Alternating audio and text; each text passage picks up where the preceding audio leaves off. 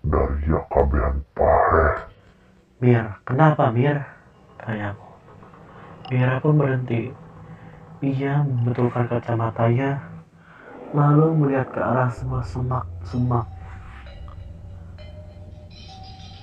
Uh, ayah, kata Mira. Yang di mana ayahnya Mira sudah lama meninggal. Ricky pun panik. Dia lari dari arah bakal menghampiri Mira. Mira, jangan lihat ke sana.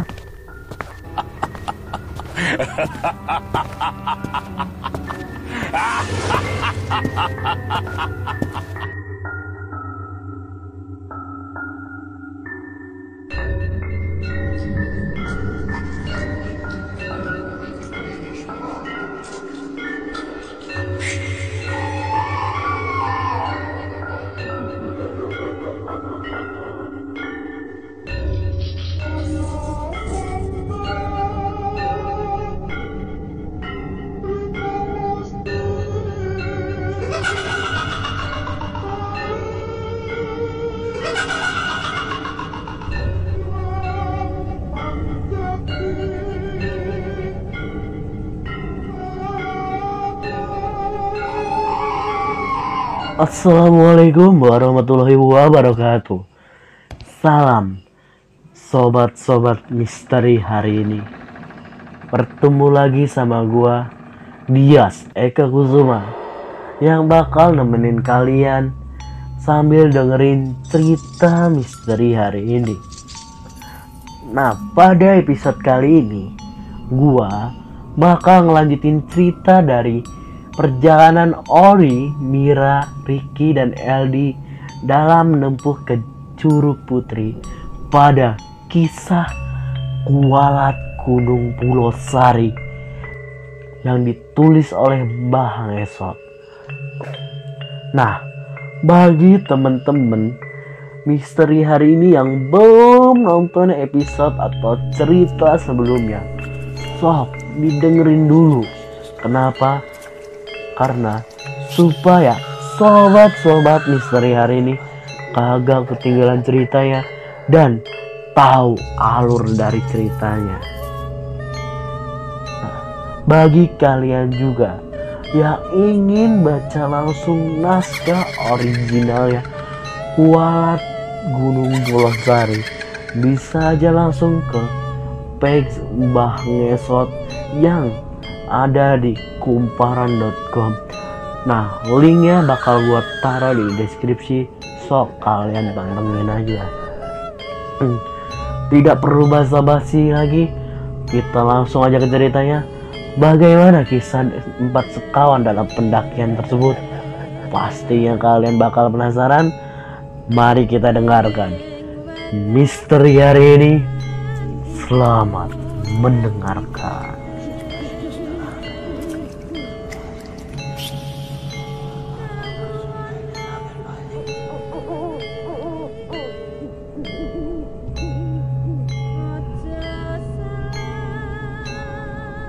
Mir, Mira, jangan ngelamun Mir.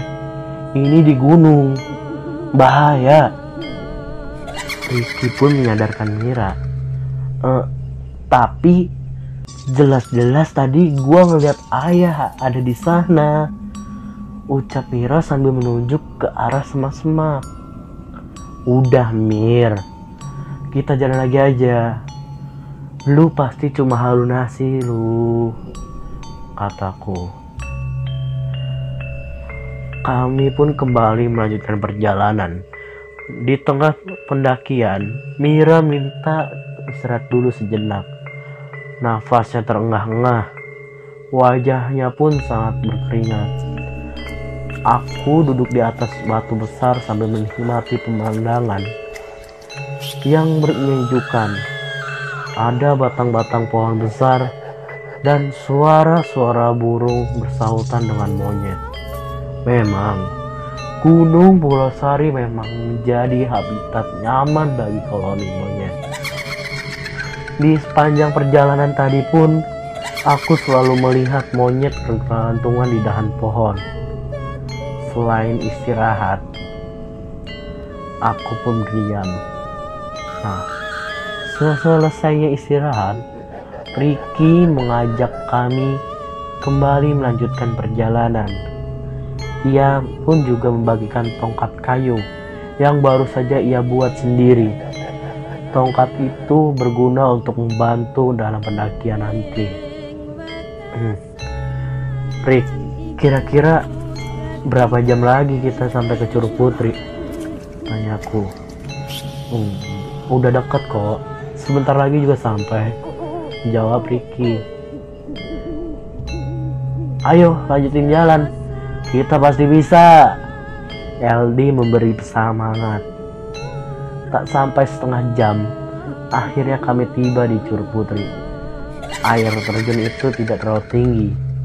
Airnya pun tidak deras. Ini dibilang air terjun kecil. Biasa digunakan para pendaki untuk sekedar cuci muka atau mengisi botol air minum mereka. Ke dalam airnya hanya sebetis, jadi tidak akan membahayakan para pendaki.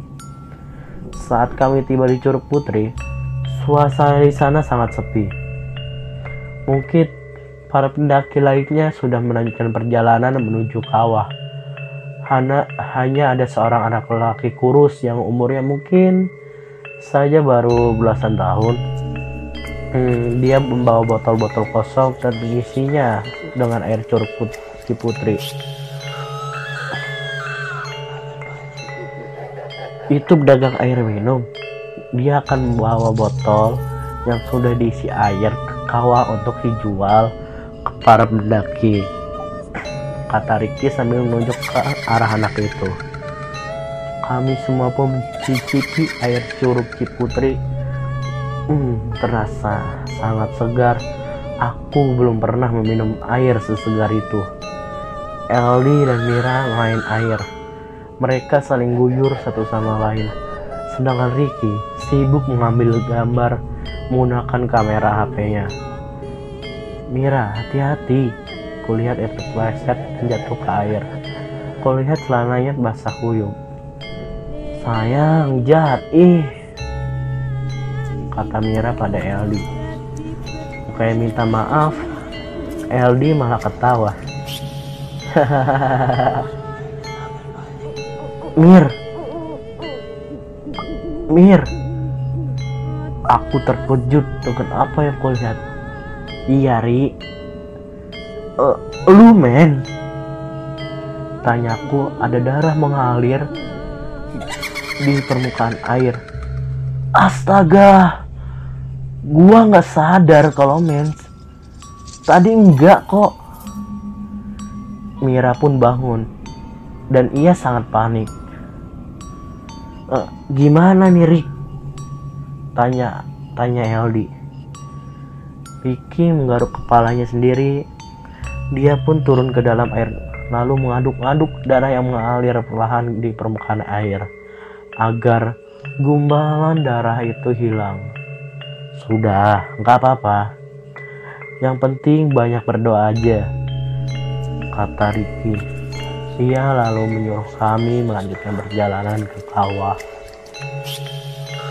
Sesaat sebelum kami meninggalkan Curug Putri, terdengar suara raungan dari langit. Hus. Entah suara apa itu, disambut angin yang berembus kencang menerpa perpohonan. Kami otomatis semua menutup mata karena banyak daun kering dan debu yang bertebangan. Dan saat kembali buka mata, Mira menghilang entah ke mana. Kami otomatis panik, lalu turun kembali ke Curug Putri, memanggil-manggil Mira Rick Mira ke mana Rick Aldi menarik baju Ricky. Gimana nih Rick lanjutnya tanpa memberi kesempatan Ricky untuk bicara. Ada apa ini? Seorang lelaki tua muncul dari jalan setapak. Ia mengenakan baju hitam dan celana hitam semata kaki. Ia juga menggunakan belangkon pak pacar saya hilang pak. Eldi pun menghampiri lelaki itu Siapa itu Rick? Tanyaku. Dia Pak Jaro, kuncen gunung ini. Jawabnya sambil menghampiri laki tua itu. Ricky lalu menyalaminya. Memangnya apa yang udah pacarmu lakukan di curug ini? Tanya. LD pun langsung menjelaskan kejadian yang menimpa Mira dari dia melanggar larangan yaitu mengotori air curug putri dengan darah menstruasinya. Pak Jaro pun menggeleng-geleng kepala. Ia berjalan mendekati air terjun. Di hadapan air terjun, ini itu ia berdiri sambil mengacungkan tak kedua tangannya ke langit. Entah apa yang sedang dilakukannya. Tidak lama kemudian, dia menghampiri kami kembali. Teman kalian baik-baik saja. Dia melakukan kesalahan fatal. Ada ritual yang harus kalian lakukan kalau mau dia kembali. Apa itu pak? Tanya Eldi. Kalau mau, mari ikut aku. Dia melangkah ke jalan setapak menuju kawah. Kami mengikutinya dari belakang. Apa dia bisa dipercaya, Ri? Aku bisik di telinga Ricky. Tenang saja. Dia orang baik. Dia juru kunci gunung ini. Ricky membutuhkan posisi kacamatanya.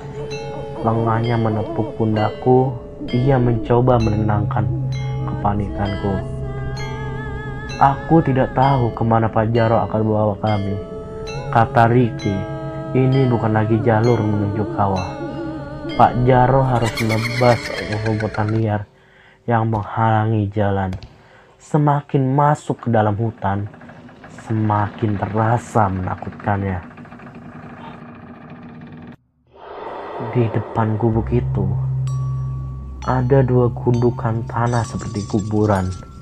Namun, aku tidak bisa memastikan kalau gundukan itu memang kuburan manusia atau bukan. Pintu gubuk sudah tak ada engselnya. Pak Jaro menggeser pintu itu lalu mempersilahkan kami masuk. LD dan Ricky masuk ke dalam gubuk Sementara aku berdiri di depan pintu dengan perasaan ragu. Bagaimana mungkin aku bisa mempercayai orang yang baru saja aku kenal? Aku sangat curiga kepada lelaki tua itu. Kamu kenapa? Tanya Pak Jaro. Aku diam. Mataku memperhatikan gubuk yang sudah lapuk itu. Ke kanan, ke kiri, Sekeliling aku perhatikan. Curiga sama saya. Pak Jaro menatapku tajam. Ri, ayo masuk. Eldi melongok kepala. Ia bercak dengan kesal. Kita mau apa di dalam, Pak? Tanyaku penasaran sekaligus curiga kepadanya. Ada ritual yang harus kalian lakukan sebagai bentuk permohonan maaf kepada penghuni Curug Putri. Uh, jangan khawatir. Masuk aja, Ri. Kali ini Ricky yang membujukku. Ragu-ragu aku melangkahkan kaki masuk ke dalam gubuk itu. Di dalam tidak ada apa-apa. Gubuk hanya beralaskan tanah yang lembab Pak Jaro meminta kami untuk melingkar. Ia kemudian memejamkan mata, menarik nafas dalam-dalam, lalu bergumam membacakan mantra yang entah apalah itu. Aku tidak bisa mendengarnya dengan jelas. Teman kalian itu kualat. Kalian juga akan kena imbasnya nanti. Malam ini Kalian harus menginap dulu di sini. Saya akan melakukan ritual di Curug Putri agar kalian semua selamat. Bagaimana dengan pacar saya, Pak? Katanya Eldi dengan wajah khawatir. Nanti setelah ritual dia pasti kembali. Malam pun semakin larut. Pajaro dari tadi sore meninggalkan kami di gubuk ini. Kami semua menggelar tikar dan menyalakan lampu centing LED. LD dan Ricky tidur dengan pulas. Sementara aku tidak sama sekali. Pikiranku melayap ke mana-mana. Aku tidak habis pikir. Kenapa mereka berdua bisa tidur dengan nyenyak seperti itu? Padahal Mira masih belum jelas keberadaannya. Kalau sampai dia tidak ditemukan, apa yang harus kukatakan pada omnya Mira? Dia pasti sangat marah atau bahkan membawaku ke pengadilan. Selama beberapa saat, aku mencium minyak wangi yang menguar memenuhi ruangan gubuk. Aku pun bangun sambil mengendus-enduskan hidung. Dari mana asal bau minyak ini? Ku, ku ikuti sumber bau itu mengarah keluar gubuk. Ku geserkan pintu bilik di luar. Seorang wanita berjaket biru. Ia mengenakan celana levis, sedang duduk di atas gundukan tanah. Ia berpakaian layaknya seorang pendaki. Kamu siapa? Tanyaku. Ia menoleh kepadaku. Wanita itu lalu bangun dari duduknya. Pulanglah, katanya. Tatapan tajam ke wajahku. Pulang. Aku pun mengerutkan dahi. Dari dalam kubuk, tiba-tiba terdengar suara gaduh. Segera kau masuk kembali. Aku sangat terkejut saat menyadari kalau Eldi tidak ada di tempat tidurnya. Ku bangunkan Ricky masih dalam keadaan kantuk. Ia mengenakan kembali kacamatanya. Kenapa, Ri? Eldi ke mana, Rik? Aku panik. Hah? Bukannya tadi di sini? Ricky malah balik tanya. Sayup-sayup aku mendengar suara arak-arakan dari kejauhan. Rick, lu denger itu? Aku mengencingkan telinga. Ayo Ri. Ricky bangun, ia mengulung tikarnya dan memasukkan ke dalam tas. Aku pun juga segera berkemas. Kami segera bergegas keluar dari kejauhan. Terlihat rombongan orang yang membawa obor. Aku dan Ricky langsung mengikuti mereka. Kami menerobos semak belukar. Semakin dekat ke rombongan itu, semakin jelas kulihat ada LD di antara mereka. Ia berbaris sambil memegang obor. Entah akan menuju ke mana mereka. LD! Teriakku sambil terus mendekatinya. Saat berhasil mendekati rombongan itu, ku coba menarik lengan LD. Tapi dia malah mendorongku dan terus berjalan mengikuti rombongan. Aku terjemberambak ke semak-semak. Ricky pun membantuku untuk bangun. Aku hendak mengejar LD lagi. Namun, Ricky malah menahan lenganku. Kenapa, Rick? Ri, dia sudah bukan LD, Ri. Lu ngomong apa sih? Itu teman kita, Ri. Dia mau dibawa setan. Ri, lebih baik kita pergi saja, Ri. Di sini berbahaya. Lu ini gimana sih? Becus enggak sih jadi pemandu? Aku pun kesal. Ku tepis genggaman tangannya. Rombongan itu semakin jauh tanpa memperdulikan Ricky. Ku kejar rombongan itu. Mereka berhenti di tepi jurang. Kemudian duduk sila di sana. Hanya LD yang berdiri. Ia melangkah perlahan perlahan ke tepian jurang. Eldi, jangan! Tak sempat aku meraih tubuhnya. Eldi menjatuhkan dirinya sendiri ke dalam jurang tersebut. Nafasku terengah-engah. Kusorotkan senter ke dalam jurang untuk mencari tubuh Eldi. Tapi jurang itu terlalu dalam. Aku tidak dapat menemukan Eldi. Ri, ayo pergi Ri. Ricky memanggilku dari jauh. Rombongan lelaki yang sedang duduk sila di sekeliling menatapku dengan tatapan tajam, seolah mereka sepertinya marah kepadaku. Segera aku meninggalkan tempat itu.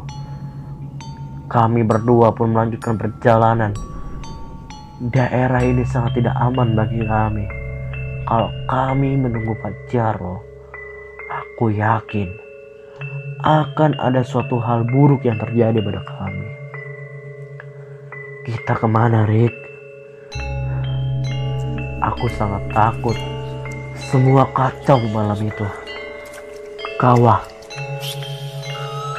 Ngapain ke sana? Aku berhenti melangkah.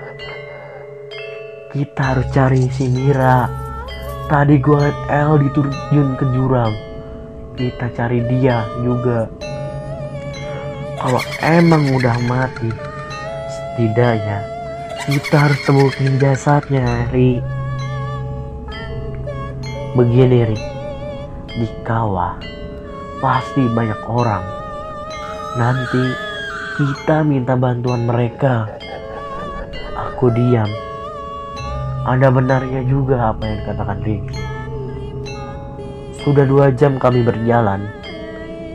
Entah kenapa Aku merasa kalau kami semakin tersesat. Tidak ada jalan setapak yang menjadi jalur pendakian.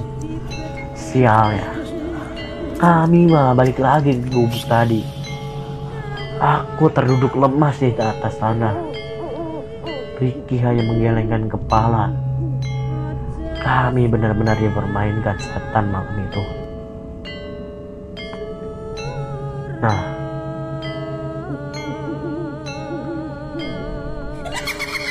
Nah, sampai di sini aja episode kali ini.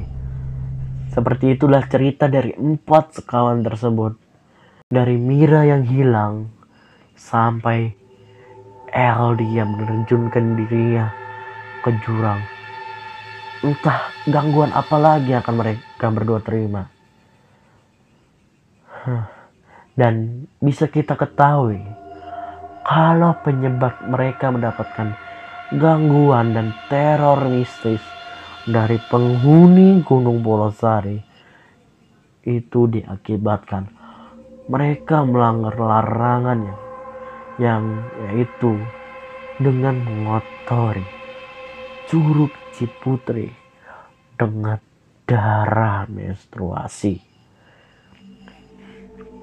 Nah, bagi sobat-sobat pendaki wanita atau sobat-sobat misteri hari ini yang suka mendaki khususnya wanita harus selalu waspada bila sedang datang bulan ketika mendaki atau kalau bisa ditunda sajalah dulu niatan untuk mendaki dan menunggu bersih terlebih dahulu baru ya mendaki nah karena darah menstruasi itu sangat disukai oleh makhluk-makhluk tak kasat mata. Oke sobat misteri hari ini, sekian episode kali ini. Selalu pantengin terus kisah dari empat sekawan pendaki tersebut di misteri hari ini. Gua Dias, pamit undur diri. Assalamualaikum warahmatullahi wabarakatuh.